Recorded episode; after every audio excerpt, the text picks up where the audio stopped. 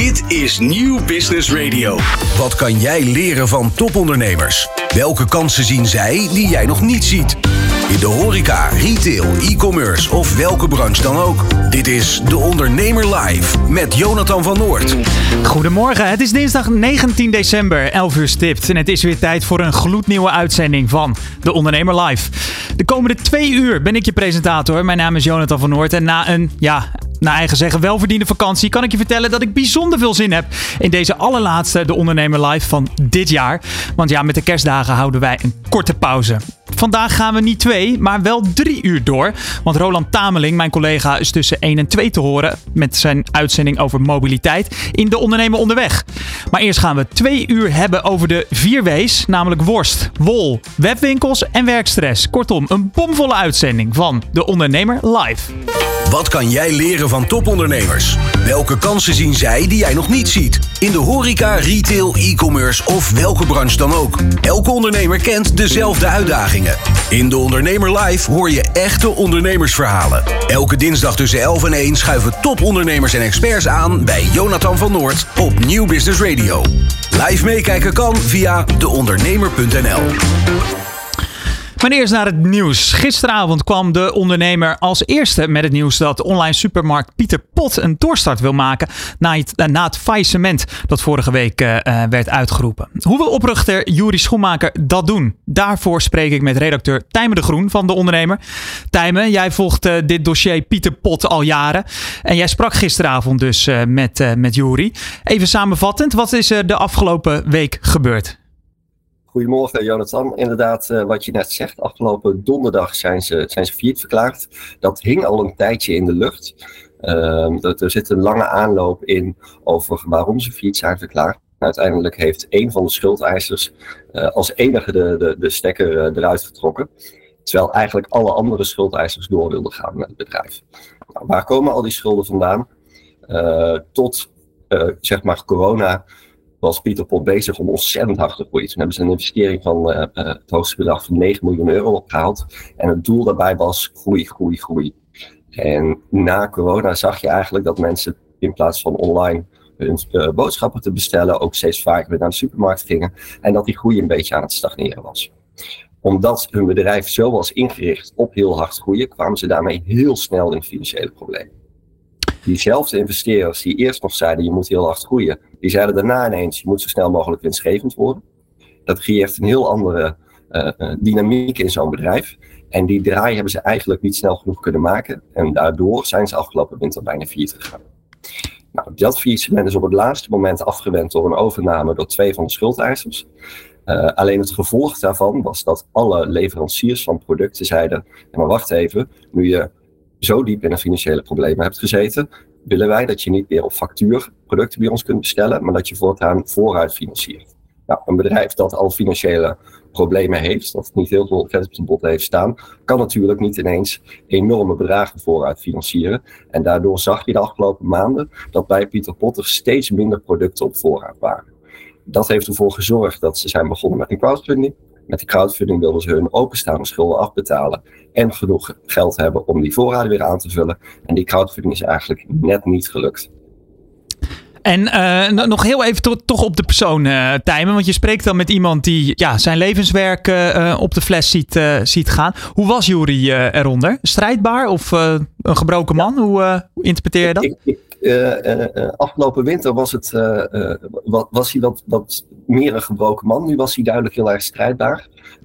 Ook voor hem was natuurlijk al een tijdje duidelijk dat dit een, grote, een, een, groot risico was. Een reële kans dat dit zou gaan gebeuren. Dus ik vond hem verrassend strijdbaar. Daar moet ik wel bij zeggen. Dat ik niet gesproken heb met Jurie Schoenmaker, de oprichter van Pieter Pot. Omdat dat bedrijf failliet is verklaard, sprak ik met de eigenaar van de holdingmaatschappij. Die toevallig dezelfde Jurie Schoenmaker is. Dat moet je heel even uitleggen, Tijmen. Hoe zit dat? Want dat heeft denk ik ook te maken met die doorstart. Klopt. Uh, afgelopen donderdag is de werkmaatschappij Pieter Pot failliet verklaard. Uh, maar zoals wel vaker binnen bedrijven bestaan er verschillende BV's. Nou, die ene BV is failliet verklaard. Nu gaan ze proberen om met de holdingmaatschappij, die dus eigenlijk boven stond, om die doorstart te realiseren. En Pieter Pot, of uh, Jury mag niet meer praten namens die werkmaatschappij, omdat het bij de curator ligt. Maar hij mag nog wel praten namens het bedrijf waar hij wel gewoon bij betrokken is. En dat is de holdingmaatschappij. Ja, precies, duidelijk. Hey, en die, uh, die doorstart, hoe heeft hij dat voor ogen? Nou, dat bestaat eigenlijk uit een, een aantal onderdelen. Um, we hebben het net gehad over die crowdfunding. Die crowdfunding die had uh, twee verschillende doelstellingen uh, tot vorige week donderdag. Eén daarvan was om die 1,8 miljoen openstaande schulden af te betalen. En het andere was om 1,2 miljoen schulden uh, op te halen om vooruit te kunnen financieren. Dus om die voorraden weer aan te vullen en om te zorgen dat het personeel gewoon door wordt betaald. Door het faillissement um, hoeven die schulden niet meer afbetaald te worden. Beter gezegd, kunnen die schulden niet meer afbetaald worden, want dat ligt allemaal bij de curator. En het doelbedrag van 3 miljoen euro hebben ze niet gehaald. Uh, maar dat hoeft ook niet meer. En nu hebben ze nog zo'n 1,2, 1,3 miljoen ongeveer wat ze wel binnen hebben gehaald. En dat zou genoeg zijn om de voorraden aan te vullen en langzaam te kunnen beginnen met de groei van een, zeg maar, Pieterpot 2 of 3.0. Dus dat is eigenlijk deel 1, zorgen dat die crowdfunding uh, uh, goed doorloopt. En het andere gedeelte is dat een van de dingen die ligt in de failliete werkmaatschappij, is het klantenbestand van Pieterpot. Er zitten nog een aantal andere dingen na, het klantenbestand is het allerbelangrijkste. Dat klantenbestand willen ze terugkopen van de curator. En die curator zal daar een afweging maken wat het beste is voor de schuldeisers van het bedrijf. Dus het is niet zeker dat dat gaat lukken, maar die gesprekken zijn wel gaande.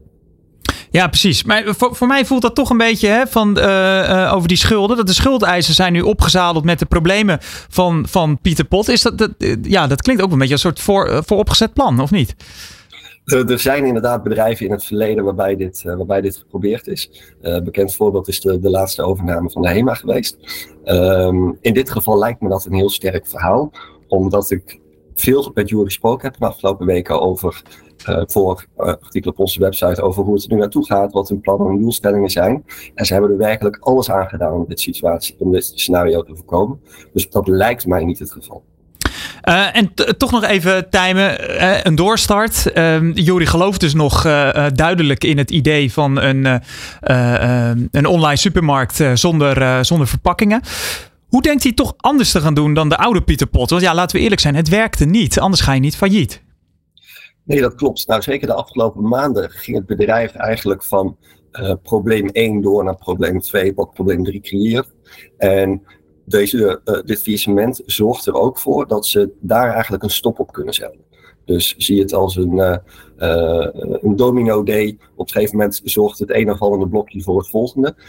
nu kunnen ze dat helemaal stop gaan zetten en opnieuw gaan beginnen met bouwen. Er is een duidelijke vraag van een bepaald aantal mensen in Nederland naar het product. De vraag is of dat genoeg is.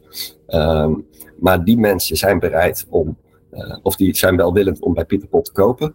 En wat Jury de afgelopen maanden duidelijk heeft gezien, is dat de, de nieuwe manier waarop ze Pieterpot voor ogen zien, dus met een heel klein personeelsbestand, met heel weinig uh, eigen, uh, eigen voorraden, dat ze in staat moeten zijn om winstgevend te zijn met het aantal klanten dat ze afgelopen winter hadden. Uh, nou, waarom zijn die klanten er minder geworden? Juist omdat ze minder spullen op voorraad hadden. En je nu eenmaal bij lege schappen niks kan kopen. En als jij twee keer bij een lege supermarkt bent geweest, dan ga je de volgende keer naar een andere toe. Ja, ja nee, zeker. zeker. hey, Tijmen, dit krijgt wel een vervolg, neem ik aan. Uh. Dit krijgt zeker een vervolg. Er zijn eigenlijk twee dingen waar deze mogelijke doorstart uh, nu van afhangt. Eén is, zijn de gesprekken met de curator. Gaat het lukken voor Jury en zijn mede-aandeelhouders om deze curator ervan te overtuigen dat zij het beste bod doen. Dan is dat stap 1. Het tweede is dat die crowdfunding doorloopt tot 15 januari. Als daar op 15 januari genoeg geld op staat en die gesprekken met de curator goed zijn afgelopen, dan is er een, uh, een doorstart in deze vorm mogelijk. Mocht er in de tussentijd uh, andere situaties komen, dan lees je dat natuurlijk op onze website. Kijk, mooi bruggetje. Uh, meer weten over deze doorstad of de recap lezen die Tijmen de Groen heeft geschreven over hoe Pieter, Pos op de, uh, Pieter Pot op de fles is gegaan. Kijk dan op deondernemer.nl. Dit is De Ondernemer Live op Nieuw Business Radio met Jonathan van Noord. Worstenmaker, een beroepsnaam die je nog maar weinig hoort. Toch besloot Samuel Levy ongeveer 12 jaar geleden om het roer om te gooien na zijn studie politicologie en worst te gaan draaien. Met succes. Zijn worstenmerk Brand Levy zie je in menige horecazaak of bij de consument thuis. Maar hoe, hoe toekomstbestendig is zijn vak? Gaan we met z'n allen namelijk niet veel minder vlees eten? Over die vragen schreef hij het boek met de pakkende titel Worstelingen, dat nu in de winkel ligt. Met Samuel praat ik over zijn worstelingen, maar natuurlijk ook over zijn ondernemerschap. Welkom, Samuel. Leuk om hier te zijn. Um, ja, voor de mensen die je niet kennen, die uh, ja, nooit worst van je hebben gegeten, wat, uh, wat doe je precies? Ja, ik doe echt van alles, maar ik ben uh, bovenal worstmaker bij Brand Levi. Um, ik, je zei het al, ik heb ooit politicologie gestudeerd en heb een grote passie voor lekker eten. Dus ik heb ook als chef gewerkt lange tijd. En tegenwoordig combineer ik al die dingen. Dus ik heb een een worstmakerij. Ik heb Food Cabinet en dat is ons uh, ja, campagnebureau, creative agency eigenlijk. Um, en uh, ik schrijf over eten, dus ik maak kookboeken, schrijf voor het parool over eten, doe allemaal leuke dingen die met eten te maken hebben. Kijk, dat uh, klinkt voor mij als een, als een culinaire droombaan. Laat het boek heel even zien, want daar gaan we het straks over hebben. Ja, ik vind het een fantastische titel. Helemaal ja, als je weet waar het over gaat. Hè? Jouw struggle, hè? zoals de Engelsen dat zeggen, met vlees. Ja, een beetje paradoxaal, worstenmaker. Maar ja, je weet aan de andere kant ook dat we niet iedere dag meer flink de boterham moeten beleggen met worst. En hoe ga je daarmee om? Um, maar ik wil toch eerst even terug in de tijd. Twaalf jaar geleden, student politicologie in Amsterdam. Je werkt in de keuken en je denkt ja, verdraaid, ik ga worst maken. Hoe, hoe, hoe kwam dat? Ja, we hadden, um, het was een soort van ding, ja, een beetje de signature dish. We maakten altijd worst. Dus met Jiri en Geert, mijn compagnons, die werkten in een heel goed Frans restaurant, Le Hollandais. Uh, en die leerden daar van de chef Adriaan worst maken. En dat was dan niet een gewone worst, maar die nam echt ja, de minder courante delen van een varken, maar maakte daar echt iets moois van. Dus er ging langoustine doorheen, piment, espelet, safraan. Echt worsten zoals je die niet bij de gemiddelde slager op de hoek kan kopen. En, en wat bedoel je met minder courante delen? Dan heb je het over de... ja, dus ja. Als, je met een, als je een heel varken koopt, ja. dan is zeg maar logisch de, de buikspek en de, de rugfilet. Er zijn gewoon delen die we allemaal wel eten. Het carbonaatje. Ja, Precies, maar de, de, de, de schouder bijvoorbeeld, die, ja, die blijft vaak over. Of de nek. Dat zijn de delen die minder vaak worden gegeten. Um, dus die zijn minder gewild. En daar maakte hij dan echt mooie dingen van. Eigenlijk nog veel lekkerder dan, dan een carbonade. Um, dat, dat vonden wij inspirerend. En wij hadden een eigen cateringbedrijf in die tijd, de Culinaire Zondag. Um, omdat we op zondag altijd diners organiseerden. en wij gingen ook worst maken. Kochten een worststopper in het oosten van het land. Uh, en gingen experimenteren. En kwamen erachter dat we eigenlijk ook hele lekkere dingen konden maken. En op een gegeven moment uh, runden we een zaak in Amsterdam Oost. Uh, en daar hadden we dan een paar wijnkoelkasten staan. En dat, hadden we een paar gedroogde worstjes. We wilden gedroogde worst gaan maken. Want verse worsten waren we heel goed in. Uh, en dan kwamen we achter dat het toch wel wat meer uh, kennis, dat we daar meer kennis voor nodig hadden. Want, want die, die, die, die, moeten rijpen, hè? die moeten helemaal gecontroleerd schimmelen Precies. eigenlijk. Dat ja. witte laagje om zo'n salami. Ja, en, en bij ons werd het een soort van groene verschrompelde dingetjes. Oh, waar je, de, die wilde je eigenlijk gewoon, dat, het was altijd een beetje loodje trekken wie dat moest proeven, zeg maar. En toen zijn we naar Italië gegaan, hebben daar een half jaar stage gelopen. Bij een aantal van de allerbeste slagers ter wereld. Um, en leerde ja, gedroogde worst te maken. En eigenlijk het hele vak van de, van de ja, charcuterie en salumi maken, zoals ze dat in Italië noemen. Um, vond dat heel inspirerend. Maar wat we ook zagen is dat er in Italië heel veel producten worden gemaakt van Nederlands industrievarken. Dus Nederlands varkens worden levend op transport gezet naar Italië, wordt daar geslacht, wordt worst gemaakt. En diezelfde worsten verkochten we weer terug. We stonden daar dan ook weer in te pakken en naar Nederland te sturen. Dachten we eigenlijk is best wel bizar, want in Nederland hebben we ontzettend veel varkens. Ja. Um, die houden we op een manier waarvan wij dachten van ja, dat, dat zou eigenlijk anders moeten. Uh, je hebt een aantal boeren die het anders doen, maar die krijgen hun varken niet goed verwaard. Die kan, kunnen dus die incourante delen waar ik het net over had, niet goed verkopen, omdat mensen daar niet weten wat ze mee moeten. En toen dachten we, waarom zouden we niet in Nederland lokaal product kunnen maken, wat lekkerder is dan wat je in Italië koopt, van varkens die een goed leven hebben gehad. Ja, dat was het begin van Brand Levi. Want in Nederland was die kennis er eigenlijk niet meer van hoe je een goede gedroogde worst maakt. Of vrij beperkt? Ja, het is vrij beperkt. Dus in Nederland hebben eten we wel gedroogde worsten, maar die maken we heel anders dan in Italië. Dus we zijn meer van het snel fermenteren, van roken. Um, en wat ze in Italië doen, dat langzaam fermenteren, langzaam drogen, waardoor je ook een veel subtielere smaak krijgt. Dat is iets wat eigenlijk bijna niet gebeurde in Nederland. Um, je ziet het nu wel weer dat er andere bedrijven dat ook een beetje beginnen te doen. Maar ja, onze worst wordt vaak heel fabrieksmatig en heel snel gemaakt, waardoor je ook producten krijgt die ja, gewoon veel minder lekker zijn. Hey, en neem me eens mee naar die, uh, uh, naar, uh, zo, naar die begintijd. Hoe, hoe zag Nederland als worstenland eruit? En hoe, hoe zagen jullie eerste dagen eruit? Um, nou, dus ik denk dat wat we toen we begonnen zagen, is dat heel veel worst die wordt gemaakt. En nog steeds ook bij het slagers is gewoon eenheidsworst. dus we, we hebben een braadworst. Je koopt ergens braadworsten, kruiden mengt vlees, gooit er braadworstkruiden bij. En dan heb je dus overal dezelfde worst. Um, terwijl als je kijkt naar het ambacht van de slager, dan ja, het, het worst maken is een van de mooiste dingen die je kan doen. Want je kan echt alles erin stoppen. Je kan kruidenmengsels maken, je kan het zo gek maken als je zelf wil. Uh, en wij dachten van ja, dat, dat, dat willen we echt veranderen. Dus we willen die eenheidsworst, daar willen we een einde aan maken. En in, in diezelfde tijd zag je bijvoorbeeld dat bierbrouwers ook weer echt opkomend waren. Want het was echt een beetje de tijd dat de, ja, uh, ja, de, de, de revival de van het ja, ambacht, ik denk te denken van inderdaad gewoon de, de bakkerijen, de, de bierbrouwers. Het was begon allemaal weer een beetje op te komen. En ja, dat gingen wij met worst doen. Dus inderdaad gewoon dat ambacht pakken, maar daar ook meteen een modern jasje aan uh, geven. En om, uh, om mij een beeld te geven van hoe jullie bedrijf Brand en Levi heet het, uh, gegroeid is. Uh, jullie begonnen met z'n drieën. En nu, waar, waar ja, staan jullie? Ja, we begonnen echt met z'n drieën. Dus we deden alles zelf. Van het worst maken tot ja, in, eerst in Amsterdam op een fiets rondrijden met doosjes worst. En op een gegeven moment een eerste busje kopen. En wat vrienden vragen of ze ons op zaterdag wilden helpen op een festival. En toen op een gegeven moment hadden we een paar gasten die kwamen helpen met het ook worst maken. En dat, dat team groeide nu. We zijn inmiddels met ja, het is, het is, nu echt een drukke, drukke tijd. Dus ik denk dat er nu zo'n tussen de 25 en 30 mannen op het bedrijf rondlopen. Um, en uh, ja, dus, uh, we hebben een grote slagerij in de Houthavens in Amsterdam. Waar we zo'n 1600 vierkante meter uh, productieruimte hebben. Dus het, ja, het is echt wel een serieus bedrijf geworden.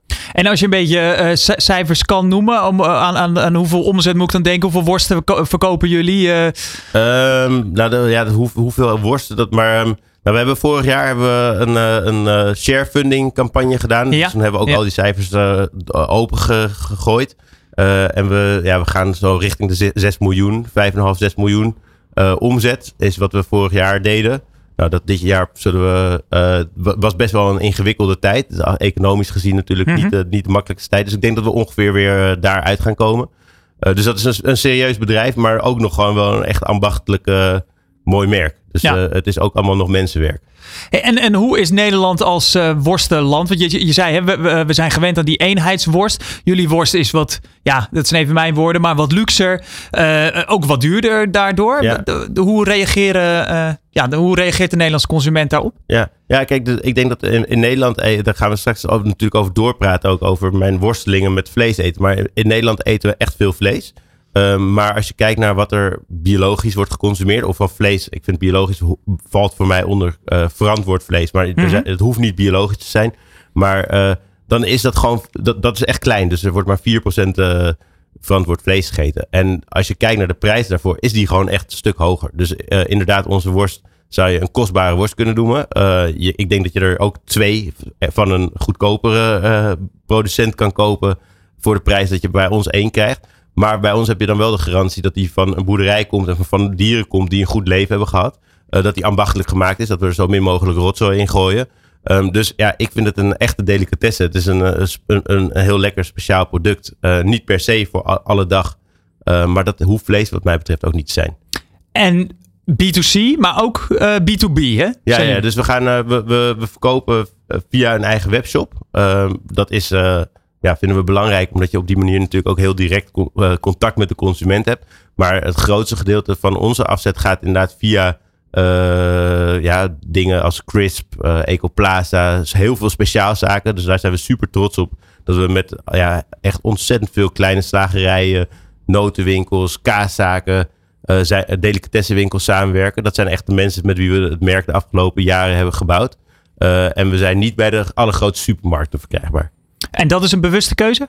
Uh, ja, tot nu toe wel. Die, ze staan elk jaar, uh, hebben, ze, hebben we meerdere gesprekken met verschillende partijen gehad. Ja. Um, maar wat wij echt heel belangrijk vinden is dat uh, mensen ons product kunnen verkopen. Want het heeft behoefte een verhaal. Kijk, in de supermarkt kwamen voorheen. Ik denk dat het misschien een beetje verandert. Maar vooral voor mensen die natuurlijk ook echt heel erg naar de prijs kijken. Ja, ja. Um, en ja, wij, bij ons moet je dat verhaal er wel bij vertellen. Dat we uh, vlees kopen van dieren ja. die een beter leven hebben gehad. Want anders zie je alleen een worst die twee keer zo duur is. En dan denk je, ja, waarom zou ik die nou kopen? Precies. Dan, uh, ja. En als mensen hem eenmaal hebben gegeten, dan, uh, dan, dan werkt dat heel goed. Dus we hebben ook wel pilots gedaan in supermarkten. En dan zie je dat, gewoon, ja, dat, dat het best wel goed roteert. Want inmiddels hebben we ook wel een, wat bekendheid opgebouwd.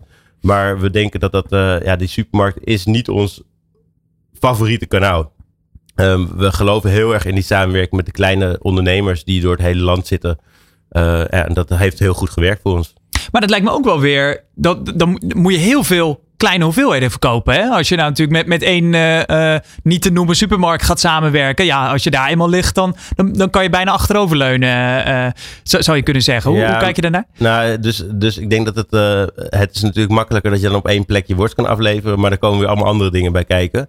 Um, en ik vind de, de, menselijkheid, wij zijn ook gewoon, we vinden dat juist het contact met die specialisten die echt van het product houden, dat vinden we heel leuk. Dus dat heeft ons altijd heel veel energie gegeven. Belangrijker dan de aantallen eigenlijk, dan de volumes. Ja, kijk, we, uiteindelijk zijn we, uh, we zijn met z'n drieën dat bedrijf begonnen. Um, het is echt gewoon een beetje een avontuur, vanuit passie ook. En dan is dat inderdaad gewoon dat het leuk is, was voor ons altijd belang, het allerbelangrijkste. En dat geld verdienen is natuurlijk ook heel belangrijk.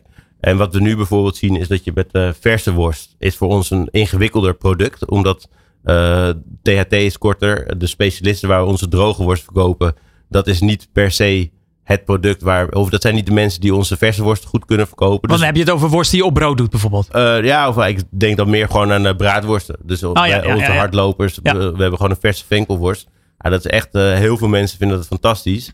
Um, maar dat is wel, als je kijkt naar waar mensen hun vlees kopen, 85% van het vlees wordt gekocht bij supermarkten. Mm slagers maken gelukkig ook nog gewoon ook hun eigen worst. Dus op een gegeven moment kan ik me wel voorstellen dat voor die verse worst met name, dat de stap naar de grote retail uh, ooit wel gemaakt gaat worden. Uh, maar ja, eh, voor de droge worst is dat minder nodig ook. Met, het, uh, ja, met, met jouw worstenmakerschap, om het maar zo te noemen, werd je ook ondernemer. Hoe vond je dat? Um, ja, ik denk dat ik eigenlijk gewoon best wel ondernemer ben. Ik heb uh, altijd gewoon mijn eigen bedrijfjes gehad en eigen dingen gedaan. Uh, dus ja, ik, ik vind daar niet zoveel van, want dat is gewoon wie ik ben, denk ik. Maar uh, neem eens mee op die ondernemersreis. Wat, wat, wat is je opgevallen in die twaalf jaar worsten maken? Of wat is je misschien tegengevallen? Nou, ik denk dat ik, ik heb mezelf wel echt goed leren kennen. Dus ik ben iemand die ik ben echt de, de, de ideeëngast, zeg maar. En ik hou van uh, nieuwe dingen bedenken en ben cre eh, creatieveling. Um, en uh, wat we bijvoorbeeld hebben gezien bij, bij Brand Levy is dat naarmate het bedrijf groter wordt, uh, er ook andere vraagstukken komen kijken. Dus hoe, hoe run je een business op een manier dat je inderdaad ook gewoon echt geld verdient? Want je hebt op een gegeven moment heb je gewoon best wel wat mensen op, op het payroll staan. 25 ja, hoor 25, net. Ja. Ja, het is gewoon. Dus, dus, eh, en dat stuk, daar ben ik, dat is dan weer niet mijn sterkste kracht. Dus ik ben heel erg van in die eerste jaren met passie mooie dingen maken, mensen erbij betrekken, dat verhaal vertellen. Uh, en dat, dat zorgde er ook voor dat we afgelopen jaar uh, een nieuwe directeur hebben aangenomen. Ja, nieuwe CEO. Ja. Ja. Uh, ja, en dat is gewoon een verademing. En die, die, die ziet allemaal dingen en die gaat dingen totaal anders doen op, op sommige vlakken. En dat, dat ik denk van, oh ja, ja, Vertel eens, dan ben ik toch benieuwd. Wat, wat, uh, wat, wat, zag zij wat, uh, wat jij niet zag? Um, ja, gewoon toch ook het. Dus gewoon, ik had heel veel hobbyprojecten. Een soort van Brand Levy was ook een soort van verzameling van hobbyprojectjes. Een soort laboratorium ja, met. Precies, uh, gewoon ja. elke keer iets leuks bedenken. En, en, en hij is wel iemand die zegt van ja, weet je, als het niet, als, als een product niet zoveel omzet doet, dan moet het misschien gewoon op een gegeven moment wel saneren. Weet je, moet er in ieder geval eh, dat aan jezelf durven vragen: van waar, waarom doe je dit eigenlijk nog? Um, maar ook naar, uh, naar mensen toe gewoon. Uh, soort van mensen anders coachen. En bij ons was het altijd gewoon een beetje heel veel, heel veel handelen vanuit gut feeling. En de, de dingen doen op de manier dat we ze deden. en nu is er iemand binnen die ja, gewoon daar wel echt anders naar kijkt. En dat op een andere manier doet. En mensen op een andere manier bij de hand neemt. En een andere manier verantwoordelijkheden bij mensen neerlegt. Ja, dat is denk ik ook gewoon in, in een volgende fase van een bedrijf heel belangrijk. Vond je dat moeilijk om dat uit handen te geven? Ik vond het heerlijk. Ja? Ja, ja. ja natuurlijk. Het is ook moeilijk, weet je. Het maakt ook dat... Want voor een deel uh, zit hij nu ook op de plek waar wij zaten. Dus dat betekent dat wij andere dingen moeten doen. Uh, en af en toe moet je op je handen zitten. Uh, maar ik vind het eh, ontzettend fijn dat we nu die stap hebben gemaakt. En ook, uh, het, ja, ik heb heel veel vertrouwen in hem. En het, uh, nee, dat, dat voelt echt heel goed eigenlijk vooral. Ik las ook iets over Europese uitbreiding. Volgens mij was dat bij de sharefunding dat dat ook een idee was. Ja. Hoe staat het daar mee? ja, we gaan als het goed is, ja, dat, volgens mij is er vandaag een gesprek weer over. Maar gaan we in een, bij een Duitse wat iets grotere retailer wel ook niet, niet, niet een soort van mega, maar wel een partij met uh, eh, 300 winkels gaan we volgend jaar uh, beginnen. Um, met, met droge worsten met name. willen we ook met verse worsten heen. we zijn bij een aantal van de beste Duitse speciaalzaken al verkrijgbaar. Echt gewoon, ja, gewoon hele mooie winkels. Um, maar, dus maar toch, wat, wat, is dan het verschil tussen zo'n Duitse retailer en een Nederlandse? Wordt in Nederland minder dat verhaal verteld? Is die mogelijkheid er minder? Want dat zeg je net als van ja, daarom liggen wij niet in de nou, Nederlandse supermarkt. In Duitsland is, kijk, in Nederland is natuurlijk voor ons best wel eh, overzichtelijk nog. En je had het over die distributie. Dat is allemaal wel goed te doen. Uh, in Duitsland hebben we dat de afgelopen jaren ook langzaam opgebouwd. Maar zie je wel gewoon, ja, Duitsland is verder weg. En um, we, we zien dat het product wordt me meegenomen. Um, maar we geloven wel in dat we daar gewoon ook goed kunnen. Ja, dat, dat we met zo'n grotere retailer. Kijk, hier liggen we ook bij een Ecoplaza. Mm uh, en dat, ga, dat gaat gewoon hartstikke goed. Um, maar dat is wel een partij, een, echt een premium retailer. waar mensen voor een duurzame boodschap kopen. Ja, daar rij je even voor om. Ja, precies. En, en we hebben nu een partij gevonden die, uh, die een, een, slagje groter is. Maar Duitsland is ook een slag groter, die dat daar gaat doen. Um, we hebben een aantal mooie biologische ketens aangehaakt de afgelopen jaren. In België zijn we nu uh, ook met uh, twee nieuwe biologische ketens aan de slag. Dus ja, we zijn ermee bezig en uh, er liggen nog een heleboel mogelijkheden voor ons. Mijn beeld bij Nederlandse ja, dat, dat klinkt misschien niet goed, maar dat wij als wij staan niet echt bekend als culinair land natuurlijk. Maar het, het, is dan dus wel zo dat bijvoorbeeld Duitsland of uh, België onze Nederlandse worst wel slikt. Dat, uh, dat, ja, dat blijkt dus. Zeker, ja. Ik denk als je kijkt naar wat er in Duitsland bijvoorbeeld ligt, dan is er weinig uh, echt culinairs. Dus ze hebben een heleboel traditionele worsten. Ja. maar wat wij hebben gedaan is echt de, de worst als chefs bekijken, met nieuwe recepturen komen, die niet te gewaagd zijn, maar wel echt, ja, het, het onderscheid is best wel groot. En dus dat vinden ze daar ook heel lekker. En moet je uh, buiten het uh, culinaire, maar bijvoorbeeld ook qua marketing en zo, nog echt wel. Zijn er verschillen tussen die landen? En, uh, of kan je gewoon de Nederlandse aanpak wel redelijk nee, uitrollen? Nee, dat moet wel. dus je ziet dat er best wel grote verschillen zijn in me hoe mensen ook worst eten. Um, en we hebben afgelopen jaar dus ook een hele goede nieuwe marketing lead aangenomen. Die daarin gaat helpen om te kijken van ja, hoe, hoe kunnen we die verhalen daar dan ook het beste over, ja, bij mensen krijgen. Want storytelling, daar gaat het toch wel om dan, denk ik. Uh, Zeker. Ja. ja. ja. over verhalen gesproken. We blijven uh, uh, met Samuel nog even hangen in het tweede uur van De Ondernemer Live. Dan gaan we het hebben over zijn boek Worstelingen. Dat allemaal meer in De Ondernemer Live. Elke dinsdag een andere inspirerende ondernemer te gast tijdens De Ondernemer Live. Van 11 tot 1 live op Nieuw Business Radio. Wie actief is in de wereld van e-commerce wil uiteraard zoveel mogelijk resultaat halen uit die digitale activiteiten. Om je daarmee te helpen worden binnenkort weer de webwinkel vakdagen gehouden. Op 23 en 24 januari 2024 om precies te zijn. Wat je daar kunt leren hoor je vandaag alvast. Althans in een uh, verkorte versie van Joey Buis. Hij is, ja let op, Chief Barbecue Officer bij het Barbecue Experience Center. En daarmee is hij verantwoordelijk, eigenlijk kort gezegd, voor de groei en de marketing van dit uh, barbecue bedrijf. Joey, welkom. Dankjewel. Ja, voor de mensen die de barbecue, die het Barbecue Experience Center niet kennen, wat, wat doen jullie zoal? Ja, wat doen we eigenlijk niet? Hè? Wat, uh, waar wij goed in zijn, zijn uh, ja, we willen eigenlijk een uh, mooi moment bij mensen thuis mogelijk maken. dus het gaat ons niet om de verkoop van barbecue producten. Hè? Daarvan kun je prima bij ons aankloppen. maar eigenlijk zien wij de verkoop van een product als middel om het doel te bereiken. En het doel is altijd om samen gerechten te maken. Om een mooi moment thuis te creëren samen met vrienden, familie, kennissen. En daarvoor hebben we superveel expertise in huis. Hè. We hebben superveel chefs rondlopen die daar op een goede manier mee kunnen helpen. Uh, dus wij leveren de barbecues, accessoires, de verbruiksproducten, de ingrediënten. Maar vooral ook de kennis en de know-how om, uh, om een uh, heel lekker en smaakvol gerecht te maken. Dus ik ga bijvoorbeeld met, met een stel vrienden bij mij eten. Dan vraag ik aan jullie van nou, wat moet ik doen? En dan komt er dus iemand bij mij eigenlijk barbecuen. Gaan we samen er een onvergetelijke avond van maken. Kan, hè? dat is in cateringvorm. Hè? Dat bieden we ook aan. Maar in principe willen we jou uh, enabelen. We willen het voor jou mogelijk maken om zelf dat gerecht uh, te maken. Dus je kan bij ons een workshop volgen. Je kan bij ons uh, recepten ehm, kan je krijgen en kan je volgen. je kan bij ons de juiste producten krijgen. de ingrediënten kunnen we bij je thuis bezorgen. dus dat is eigenlijk onze core business. En als mensen dan zoiets hebben van ja, ik kom er echt niet uit. Of ik heb nu iets, een klus aangenomen voor al mijn vrienden. En ik heb daar echt hulp bij nodig. Dan kunnen we ook bij je thuis komen inderdaad ja. Bij een experience center, ja, dan denk ik niet gelijk aan een webwinkel. En ja, ja jij bent toch uitgenodigd bij de webwinkel vak, uh, zo, bij de webwinkel vakdagen. Kan je dat uitleggen waarom jij daar toch uh, de geschikte persoon bent uh, om te vertellen? Ja, Nou, een experience center, dat, dan denken mensen inderdaad aan, hey, het, is, het is fysieke retail. En daar zijn we ook heel actief in. Hè. We hebben nu drie vestigingen in Nederland en België. Uh, maar daarnaast zijn we ook gewoon heel, heel actief met, uh, met onze e-commerce activiteiten. En wij hebben echt een omnichannel aanpak. Dus wij kijken niet zozeer naar, hey, we kijken naar offline of online. Het is echt met elkaar geïntegreerd bij ons. En ja, daar gaat ook een stukje onze, mijn verhaal over op de webwinkelvakdagen. Hoe je dat nou aanpakt, wat daar de valkuilen in zijn. Maar vooral ook ja, hoe wij nu in zo'n korte tijd zo'n groei hebben doorgemaakt. En wat daar de valkuilen in zijn. En wat onze visie is eigenlijk op e-commerce en fysieke retail, hoe je dat kan blenden met elkaar. Want om het even aan te kleden, van 1 naar 10 miljoen euro omzet gegaan in korte tijd. Hè? Over hoeveel tijd hebben we het dan? Ja, nou dat is uh, in een aantal jaren is dat uh, gelukt. Uh, met een beetje een duwtje natuurlijk vanuit corona. dat mensen niet meer op restaurant konden. Ze konden niet meer op vakantie. Dus ze investeerden vooral in en rond, rond het huis. En daar hebben we dankbaar gebruik van gemaakt. Uh, maar daarnaast en daarna blijven we ook wel gewoon boven, ver boven gemiddeld uh, groeien op de markt.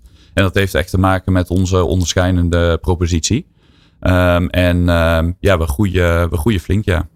Ja, het, het woord nam jij net al even in de mond. Hè? Omnichannel strategie. Dat heb ik ook al vaak uh, voorbij uh, horen komen. Ik vind het toch altijd iets ingewikkelds hebben. Kan je dan uitleggen waar dat omnichannel nou precies in zit bij jullie?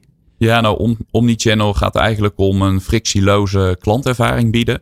Uh, dus het maakt niet uit uh, waar die klant ons nodig heeft. Hè. Dus ze willen eigenlijk uh, producten of content kunnen krijgen waar ze willen, wanneer ze willen en, en hoe ze dat willen.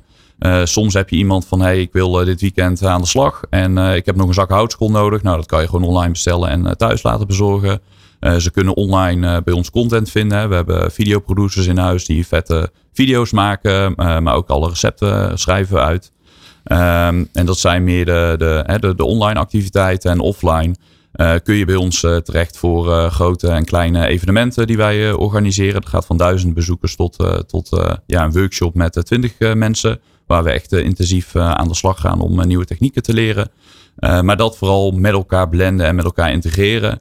dus eigenlijk die kennis die we hebben, Ehm, eh, los van het kanaal beschikbaar maken. Zo kan je ons bijvoorbeeld ook, als je nu onze klantenservice belt en je vraagt daar, ja, waar is mijn pakketje? Dan krijg je natuurlijk antwoord. Hè, dat verwacht je van mhm. een klantenservice. Maar je kan ook een vraag stellen van, joh, ik heb nou een heerlijk stuk vlees, die picanha. Uit dit recept heb ik op de barbecue liggen. maar hoe werkt dat ook alweer? Hoe werkt dat recept? Hoe werkt die kerntemperatuur? Kan je me nog even helpen? Dus nou, daar zitten niet mensen die puur wat alleen weten over de logistiek of in een systeem kunnen kijken waar het pakketje zit. Maar die hebben ook die barbecue know-how dan blijkbaar. Ja, die zitten er ook oh, uiteraard. Ja, Maar de chef, hè, er zitten ook chefs aangehaakt op de klantenservice om juist dat, vragen, dat soort vragen weer, weer op te pakken. Ja. Mijn eerste reactie, dat moet toch ontzettend kostbaar zijn om dit allemaal aan te kunnen bieden? Ja, en dat, uh, dat is ook. En uh, daarom zijn we net iets anders dan een traditionele retailer die ehm, uh, vooral de focus heeft op de aankoopsfase. Hè? Dus eigenlijk wat een merk site, ook de standaard retailer. En zij gaan dan heel hard roepen van oké, koop het product bij ons, want dit of dat of zus of zo. En dat doen wij uiteraard ook, hè, want de elektriciteitsrekening, om zo gezegd, moet wel betaald worden. En dat doen we voornamelijk van, vanuit de verkoop van producten. Maar we zijn juist heel actief in de gebruiksfase. Hè, bij ons is een gemiddelde barbecue verkoop is, zo 2000 euro, 1500 euro.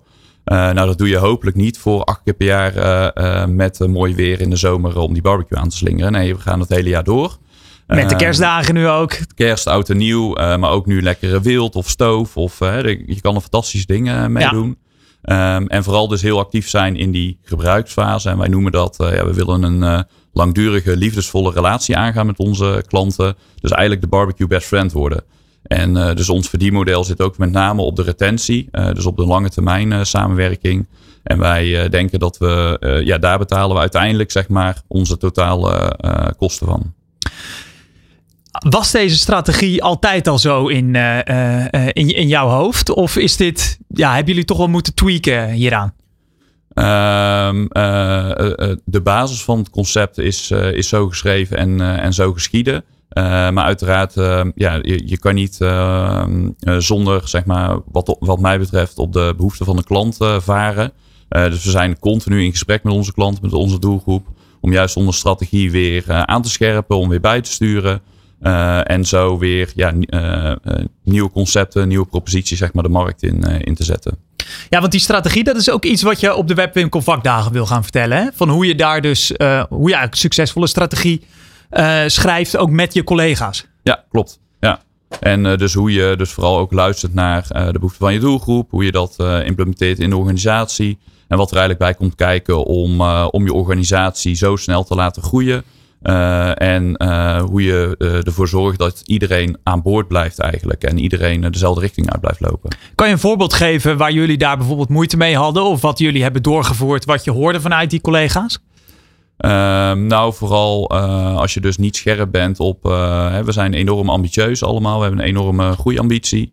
Um, als je daar niet zorgt dat mensen binnen de juiste cultuur bijvoorbeeld uh, belanden uh, en die juiste cultuur uh, ademen en ook onderdeel zijn van die cultuur, ja, dan gaat het wel een lastig verhaal worden. Hè? Want dan gaat, gaat iemand best wel een, een andere afslag nemen dan, dan de rest van de crew eigenlijk zou willen doen.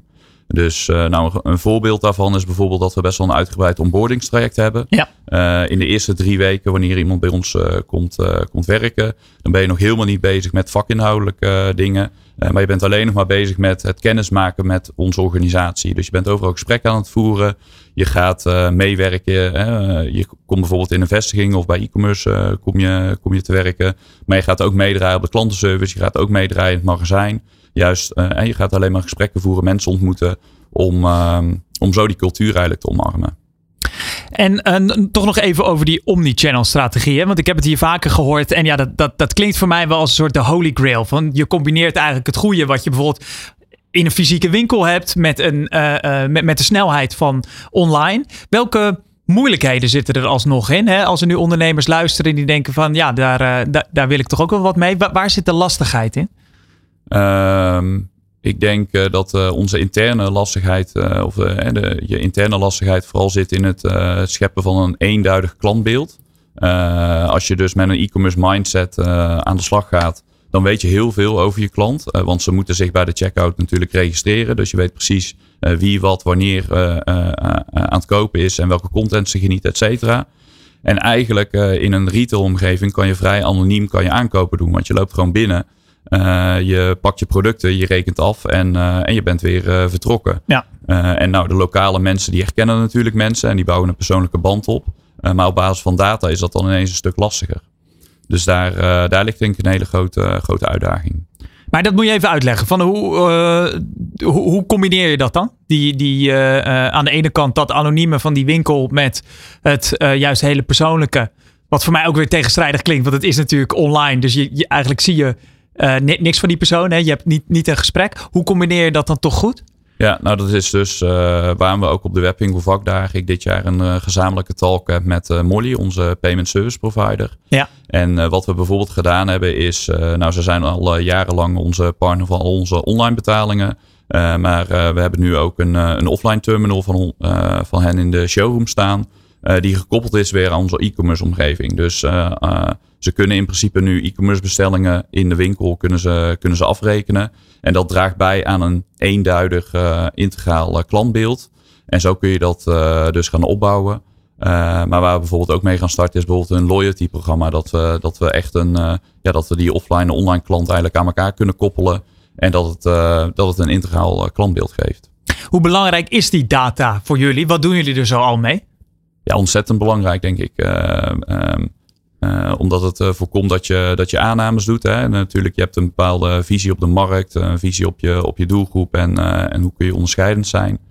maar uiteindelijk wil je dat wel verifiëren middels data en je wilt op basis van data kunnen sturen. Dus dat is denk ik, ja, bij ons is het in ieder geval een heel belangrijk thema op dit moment. er is nog heel veel in te doen, want er is heel veel in mogelijk. En ja, de grenzen worden ook iedere keer verlegd. Uh, maar bij ons is het in ieder geval echt, een, uh, ja, echt ontzettend belangrijk. Ja. Heb je een voorbeeld van uh, bijvoorbeeld een aanname die je eerst had en die je hebt kunnen ontkrachten middels, middels al die data? Ja, dat is best wel een leuk voorbeeld. heel veel mensen denken, nou barbecue, het zijn stoere mannen. Ja. dus dat zijn, onze doelgroep is voornamelijk mannen. met baarden, hè? Ja, precies, ja. zoals ik eruit ziet. Of, ja, samen wel daarnet, ja. Ehm, maar uh, wij kwamen erachter dat uh, uh, 35% van onze doelgroep vrouw is. En dat heeft dus te maken met dat de barbecue niet alleen iets is voor mannen. Man is meestal wel de aanstichter van de hobby thuis. maar um, ja, wij zien het echt als buitenkooktoestel. de wat je eigenlijk meerdere keren per week zou kunnen gebruiken. Hij is ook binnen een kwartier is die, is die op temperatuur. En je kan een fantastische gerechten ook, die je gewoon binnen gaat opeten, op, opmaken. Um, en we zien dat vrouwen ook wel, wel dan ook aan op die barbecue aan de slag willen, willen gaan. dus als je bij ons een workshop binnenloopt, natuurlijk als je het thema vlees pakt bijvoorbeeld, ja, dan zie je voornamelijk mannen. Maar we geven ook workshops zoals uh, bakken hartig en zoek of, of andere thema's, streetfood, waar maar ook echt wel uh, ja, 35% eh, vrouwen op afkomen.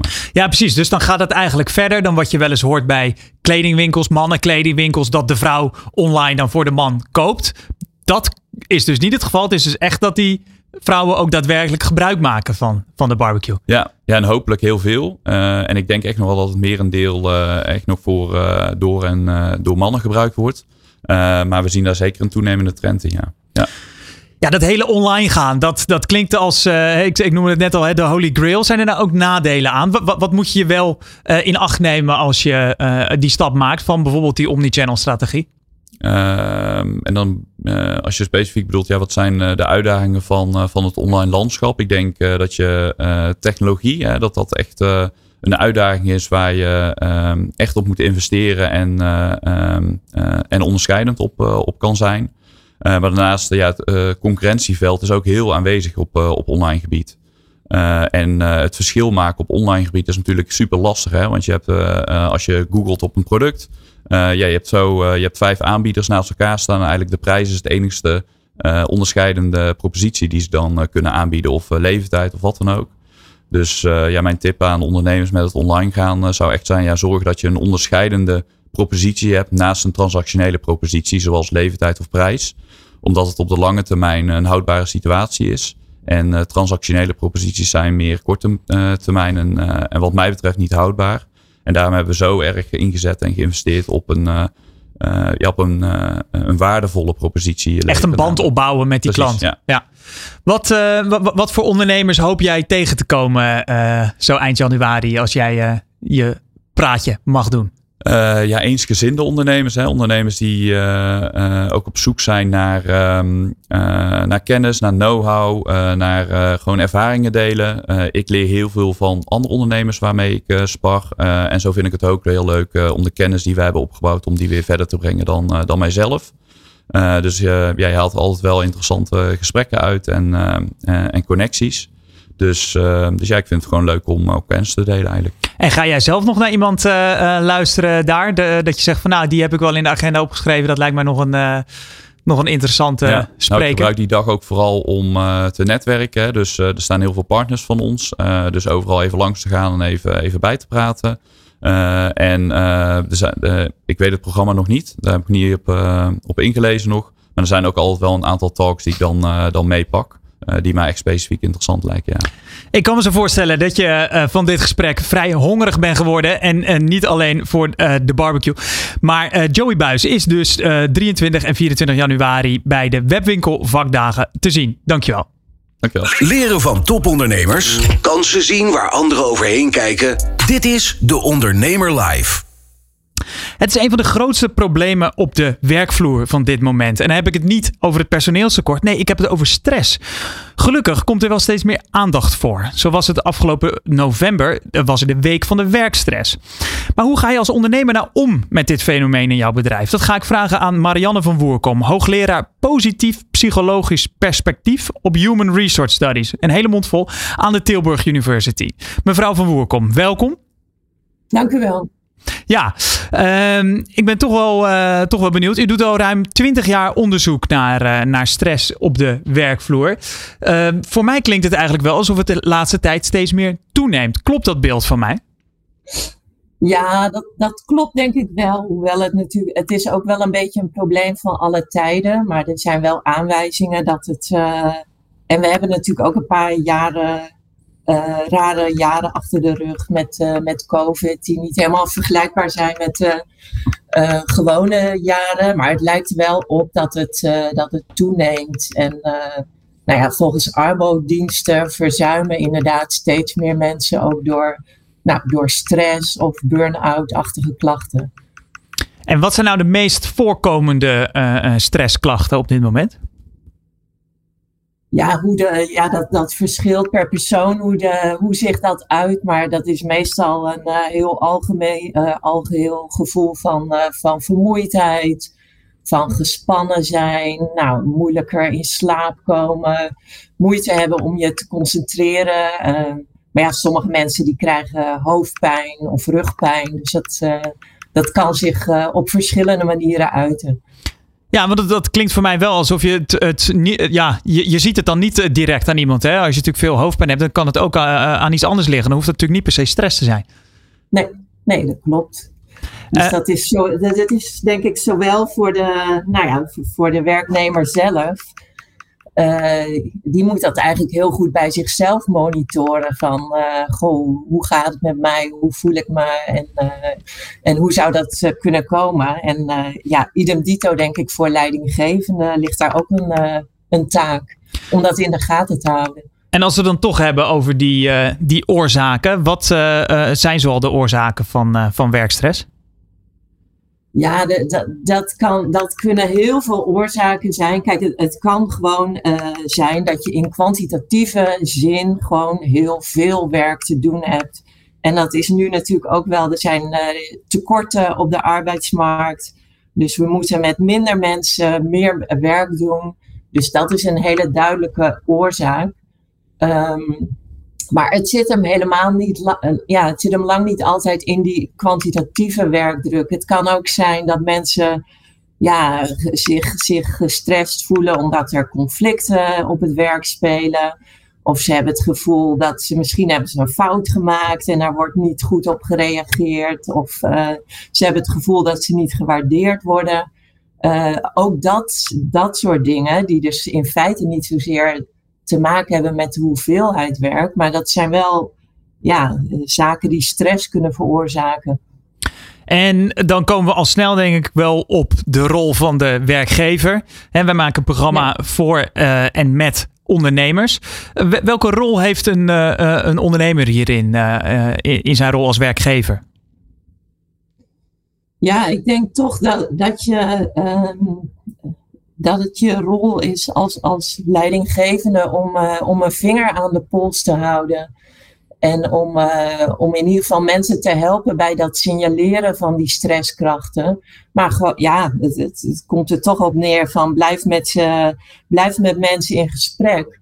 En uh, vraag vooral ook wat ze nodig hebben om goed te functioneren. Vaak hebben mensen daar zelf al best wel ideeën over. Maar eh, ik, ik denk dat heel veel, uh, met, met name MKB'ers, hè, die hebben een mannetje of tien uh, in dienst. Um, ja. Altijd druk, zelf nog uh, in het bedrijf aan de slag. Ja, dan komt het er denk ik niet altijd van om echt even een uurtje een kop koffie te gaan drinken. Wat zijn dan mogelijkheden om toch die spreekwoordelijke vinger aan de pols te houden? Ja, contact te houden, maar misschien zit het, kijk, het, het ik denk wel dat dit echt een uh, verantwoordelijkheid is van leidinggevenden. Maar je kan er natuurlijk ook voor zorgen dat mensen op elkaar een beetje gaan, uh, gaan letten. Uh, hè, dat, dat kun je gewoon met z'n allen afspreken. Van, um, ja, we houden ook bij elkaar de vinger aan de pols. En we, we helpen elkaar om die werkdruk te, om te bewaken dat die werkdruk te veel wordt. En uh, wat ik in de intro al vertelde, u uh, houdt zich al zo'n 20 jaar bezig met, uh, met onderzoek naar stress op de werkvloer. Zijn er verschillen in die, in, in, die 20 jaar? Zijn er trends of ja, veranderingen op te sporen? Ja, nou, ik, ik denk dat een van de grote veranderingen is natuurlijk heeft te maken met alle online mogelijkheden, het, het hybride werk.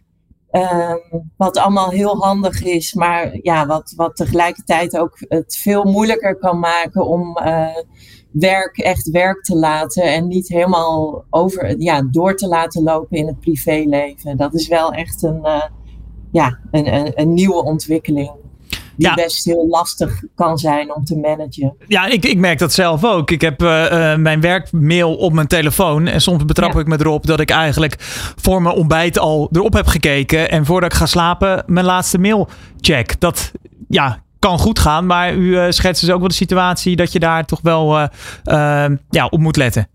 Zeker, zeker. En daar kunnen natuurlijk leiding, daar kunnen ook leidinggevenden een rol in spelen. Hè. Je kan ook als leidinggevende zorgen dat je inderdaad dat je niet meer buiten kantoortijden uh, berichtjes stuurt. Of misschien doe je dat wel, maar dan zorg je dat ze niet. Uh, maak, je ze, maak je de berichtjes wel, maar dan kun je er wel voor zorgen dat ze niet daadwerkelijk uh, verstuurd worden. En je kan gewoon ook met elkaar afspreken van ja, dat, dat doen we gewoon niet. En dat verwachten we ook niet van elkaar. Ja, omdat je misschien toch wel de verplichting kan voelen als je om half negen s'avonds wat krijgt van goh, misschien moet ik wel terug mailen. Omdat ik van een leidinggevende dat, dat bericht krijg. Klopt. Ja, en naast dat hybride werken, zijn er ook nog andere uh, ja, trends te, te bespotten die, uh, die negatief zijn voor, voor de werkstress? Ja, ik denk wat, wat nu heel erg speelt is gewoon het tekort in, in allerlei sectoren. In, in de zorg, in het onderwijs komen we gewoon mensen tekort. Um, dus dan, ja, dat, dat maakt het moeilijk om die werkdruk te managen. U heeft ook onderzoek gedaan naar uh, bijvoorbeeld uh, uh, autisme en ADHD op de werkvloer. Ja. Zijn deze ja. mensen nog ontvankelijker voor, voor werkstress? Ja, zeker. ja, dat, dat, dat hoort bij, bij die. Um, hè, dat hoort bij autisme of Asperger of, of welke vorm van neurodiversiteit dan ook. Dat het uh, dat het moeilijker is om met prikkels om te gaan. Nou, op de werkplek zijn heel veel prikkels. En dat, ja, dat kan voor die mensen lastiger zijn. En daarnaast ja, hebben die mensen soms ook moeite met, met sociale vaardigheden of met communicatie. En dat helpt, ja, dat helpt weer niet mee als je problemen wil oplossen. Ja, ik wil net zeggen, u zei aan het begin, uh, hou de vinger aan de pols door regelmatige gesprekken te voeren. Als iemand dan communicatief wat minder sterk is uh, of daar tegenop ziet, dan lijkt me dat wel lastig. Zeker. En hoe nou los je dat dan, dan, toch op? Dan moet, je, dan moet je ook zorgen dat je, dan, dat je van tevoren daar dingen met elkaar over afspreekt. Van joh, als het jou even te veel wordt en ik heb dat niet in de gaten, wat is dan een manier voor jou om daarmee om te gaan? Sommige bedrijven die, uh, uh, nou, die, die, spreken daar dingen over af of die maken een bepaald uh, plekje, hoekje, ergens in een rustig plekje op het kantoor waar iemand zich terug kan trekken. Of ja, je, je kan afspreken van joh, als jij daarvan gebruik maakt of je trekt je even terug dat is gewoon prima. Dat, uh, dat is vaak al heel belangrijk. Dat mensen weten van, oh, dat is niet raar of zo. Dat kan ik gewoon, die ruimte kan ik gewoon nemen. En als we even kijkt naar de, de beeldvorming uh, rondom stress, is het zo dat leidinggevende werkgevers daar inmiddels wat meer oog voor hebben? Of zijn er toch ook nog wel heel veel die er eigenlijk uh, blind van zijn? Nou ja, wat speelt? Leidinggevenden hebben zelf natuurlijk ook stress. Dus dat, uh, uh, dat, dat helpt niet mee. Maar ik denk dat, het, dat dit onderwerp zeker veel meer op de radar komt. En dat, uh, kijk, veel organisaties die zijn ook in, in de strijd met andere organisaties om mensen nou, binnen te halen, maar ook te behouden. Um, dus die, ik denk dat, ja, dat, dat het idee dat je dit heel goed in de hand moet houden, dat dat steeds meer doordringt. En heeft u uh, uh, voor de luisterende en kijkende ondernemers nog uh, ja, simpele adviezen die ze zo snel mogelijk moeten doorvoeren? Nou, we, we, focussen nu heel veel op stress en momenten dat het niet goed gaat. Nou, en ik ben veel bezig met de positieve psychologie. En de positieve psychologie zegt eigenlijk van, nou ja, Kijk nou ook naar de momenten dat het wel goed gaat. Want daar zit ook heel veel informatie in. Daar kun je ook heel veel van leren. Dus, Heeft u een uh, voorbeeld? Nou ja, kijk ook naar, ook al, ook al heeft, geeft iemand aan van, goh, ik heb heel veel werkdruk en heel veel stress. Ga nou ook naar, eens met die persoon na van, goh, op welk moment ben jij even wel lekker aan het werk en gaat het wel goed en heb je er plezier in? En probeer dan eens in kaart te brengen, ja, hoe ziet, hoe ziet je, je omgeving, je werksituatie eruit? Wat ben je aan het doen? Uh, hoe zijn de omstandigheden? Heb je de deur dicht of de deur open? Of, uh, probeer dat te analyseren, want daar, ja, daar kun je ook heel veel van leren. Ja, en zo creëer je dus eigenlijk een soort uh, perfecte werkplek, waardoor de werkstress zo laag mogelijk is. Nou ja, je, je kan kijken of je die, die situatie waarin het goed gaat, of je die gewoon vaker kan, uh, kan repliceren. Ja. Duidelijk verhaal. Dankjewel. Marianne van Woerkom van de Tilburg Universiteit. Je luistert naar De Ondernemer Live. Elke dinsdag live van 11 tot 1 met Jonathan van Noord op Nieuw Business Radio. Dat was hem alweer, het eerste uur van De Ondernemer Live. Straks praten we verder met Samuel Levy, worstenmaker bij Brand en Levy. Daarnaast gaan we met een stel jonge, jonge ondernemers het hebben over wol. En we gaan pitchen, dat allemaal straks in het tweede uur van De Ondernemer Live. Wat kan jij leren van topondernemers? Welke kansen zien zij die jij nog niet ziet? In de horeca, retail, e-commerce of welke branche dan ook. Elke ondernemer kent dezelfde uitdagingen. In De Ondernemer Live hoor je echte ondernemersverhalen. Elke dinsdag tussen 11 en 1 schuiven topondernemers en experts aan bij Jonathan van Noord op Nieuw Business Radio. Live meekijken kan via deondernemer.nl.